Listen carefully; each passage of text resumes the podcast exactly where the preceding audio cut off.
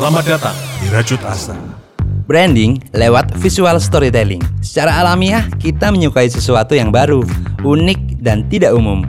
Kalau itu visual, dia bisa berupa landscape, arsitektural, atau situasi khusus.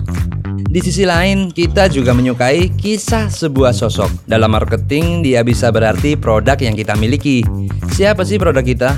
Bagaimana bentuknya dan kegunaannya? Serta apa sih yang membuat spesial? Nah, itu semuanya ngomongin tentang daya tarik. Lalu apa saja sih daya tarik itu? Apakah harus bagus dan menawan secara visual? Idealnya ya, dua unsur tadi itu harus siamik. Pertama, daya tarik kasat mata alias yang tampak jelas dilihat. Ini umumnya terkait dengan hal-hal yang bersifat fisik, fotogenik bagai mata seperti warna, bentuk, tekstur, dan pencahayaan. Buat kamu yang punya produk, mulai identifikasi dengan teliti produk atau brand kamu. Apa saja yang menjadi daya tarik bagi pelanggan.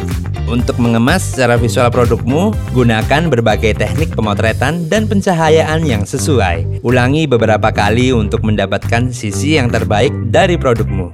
Selanjutnya, kita ngomongin unsur daya tarik yang lain, yaitu daya tarik kisah. Daya tarik kisah bisa berupa latar belakang yang melekat pada produkmu, bisa sejarah, proses pembuatan, interaksimu dengan lingkungan, dan hal-hal personal lainnya.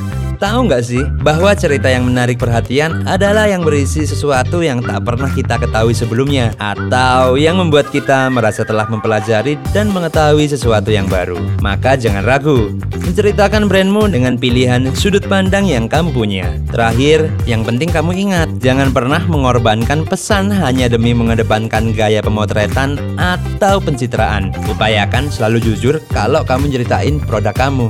Sebab produkmu itu adalah cermin dari kepribadianmu. Hai Prajut, temukan Rajut Asa juga di Facebook, Instagram, dan YouTube. Sampai ketemu lagi para Prajut. See you!